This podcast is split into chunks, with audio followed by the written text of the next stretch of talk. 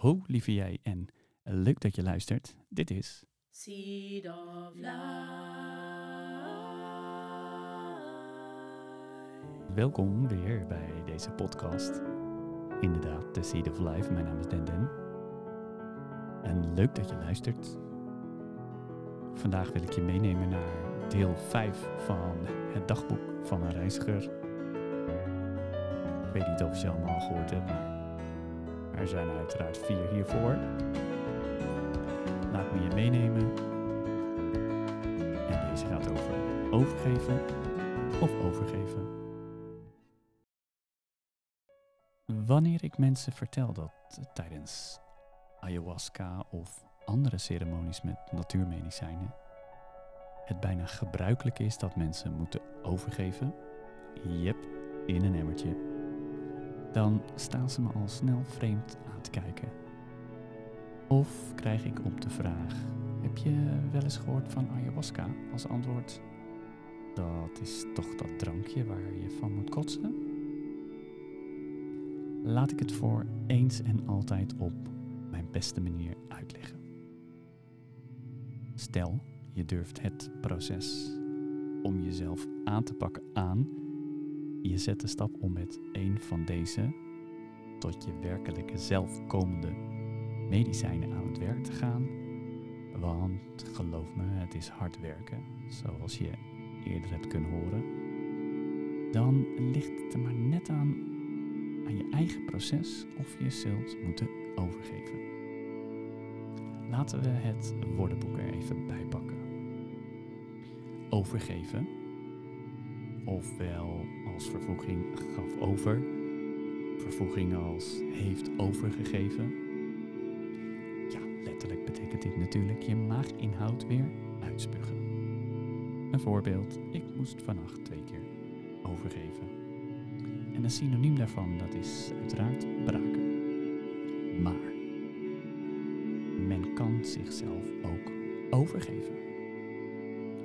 Oftewel, hij gaf zichzelf over of heeft zich overgegeven. En synoniem daarvan is de vertaling de vijand laten weten dat je ophoudt met vechten. Dat is je overgeven. Synoniem daarvan is capituleren. Maar er zijn dus twee duidelijke vormen van overgeven dus. En dat is precies waar het allemaal om draait. Wanneer je jezelf moet overgeven aan je vijand, jezelf, zou je kunnen zeggen dat er iets in je zit wat je los mag laten.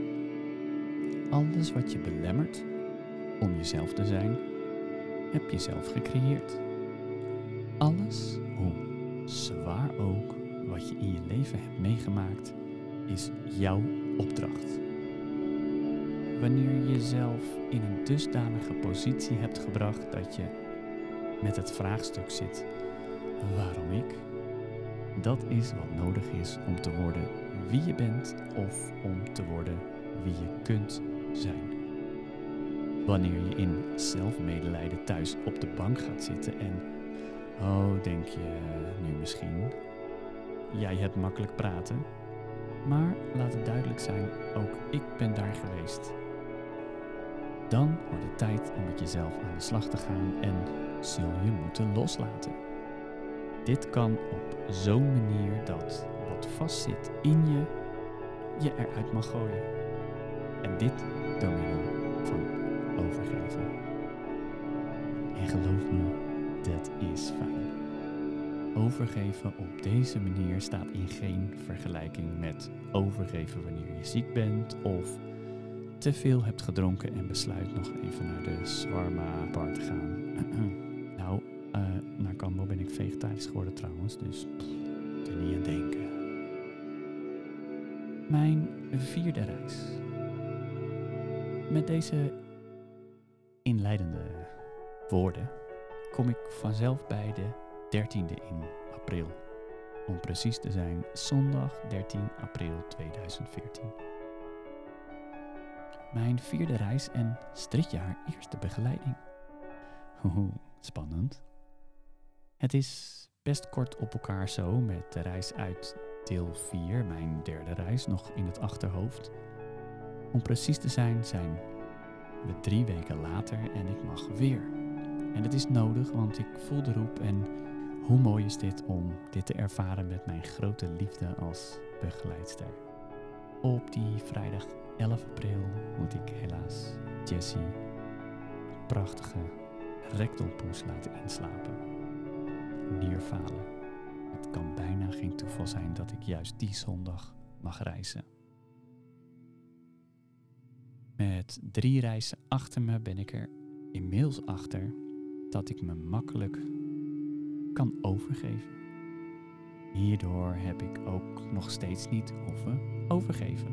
Ook gemerkt dat ik niet heel veel conflicten in mezelf heb en zo laat grootmoeder ayahuasca mij regelmatig prachtige stukken zien met heel veel liefde. Want dat is waar je terecht kan komen in een oceaan van liefde.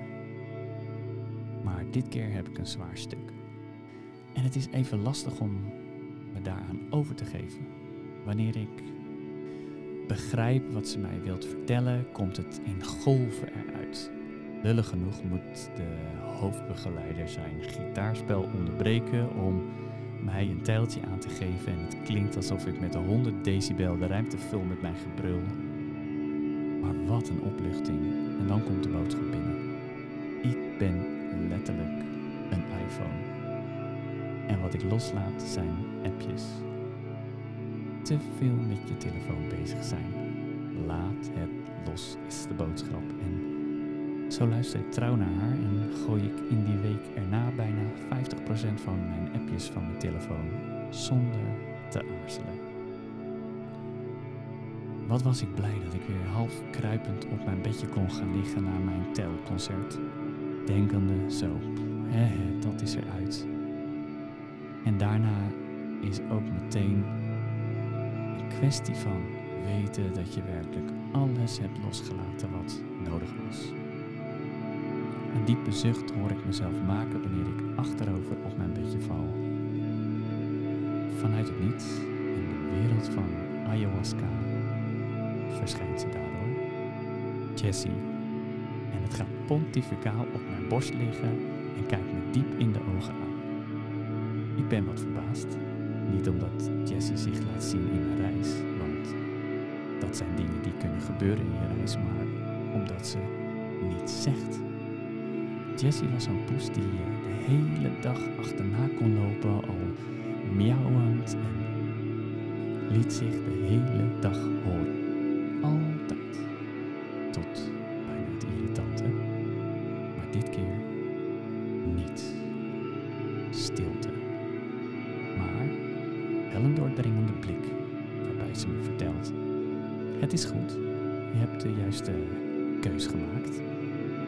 Ondertussen rollen de tranen in mijn nek. En voordat ze oplost in deze wereld, lijkt haar boodschap als vanzelfsprekend. Luister eens meer naar wat anderen te vertellen hebben. Van origine ben ik nogal een oude hoer. In mijn enthousiasme en scherpte wil ik nog wel eens ergens doorheen. Maar dit keer moest ik luisteren. Van Jessie. Gewoon omdat het kan. En dat heb ik gedaan. Geluisterd naar iedereen die van zich liet horen tot aan het eind van de ceremonie. En wat heb ik veel geleerd. Sinds die ene reis, mijn vierde reis, is dat luisteren vele malen beter geworden is. En mijn geduld daarnaast ook. Deze reis was wederom zo leerzaam en zo'n cadeau zonder dat ik er maar even over hoef na te denken, hoe het ook alweer zat, dit achter elkaar uittyp. En nou, terwijl ik dit dan nu ook weer uitspreek, zijn er wel veel meer dagen voorbij dan 891. Juist ja, alweer een paar jaar later. Dank, grootmoeder ayahuasca. En het gebeurt in deel 6. Ik ga voor het eerst begeleiden. En dan neem ik je graag mee naartoe naar kort gedicht voor die prachtige rekdolpoes, Jessie. Dag lieve Jessie, zorgzaam en lief, een doerak en een hartedief. Met je intens blauwe ogen, die van mij moet ik nu drogen. Even lekker kroelen, je laten liggen op mijn plekje, of even zachtjes bijten in mijn arm, waarmee je wel zal bedoelen, even doorgaan denden, gewoon, met dat kleine bekje. Zo zorgzaam dat je moeder moest spelen van een ander haar nest. En dat liet zij dan helemaal toe natuurlijk. Want dan was jij op je best. Ik ga het allemaal missen. Maar het meest van alles ga ik missen jouw unieke miauw. Ik kwam thuis en in plaats van miauwen riep jij joehoe en rende je de trap af heel gauw. Om dan bijna te zeggen, hé waar bleef je nou? Ik zal je missen, lieve Jessie. Echt, ik hou van jou.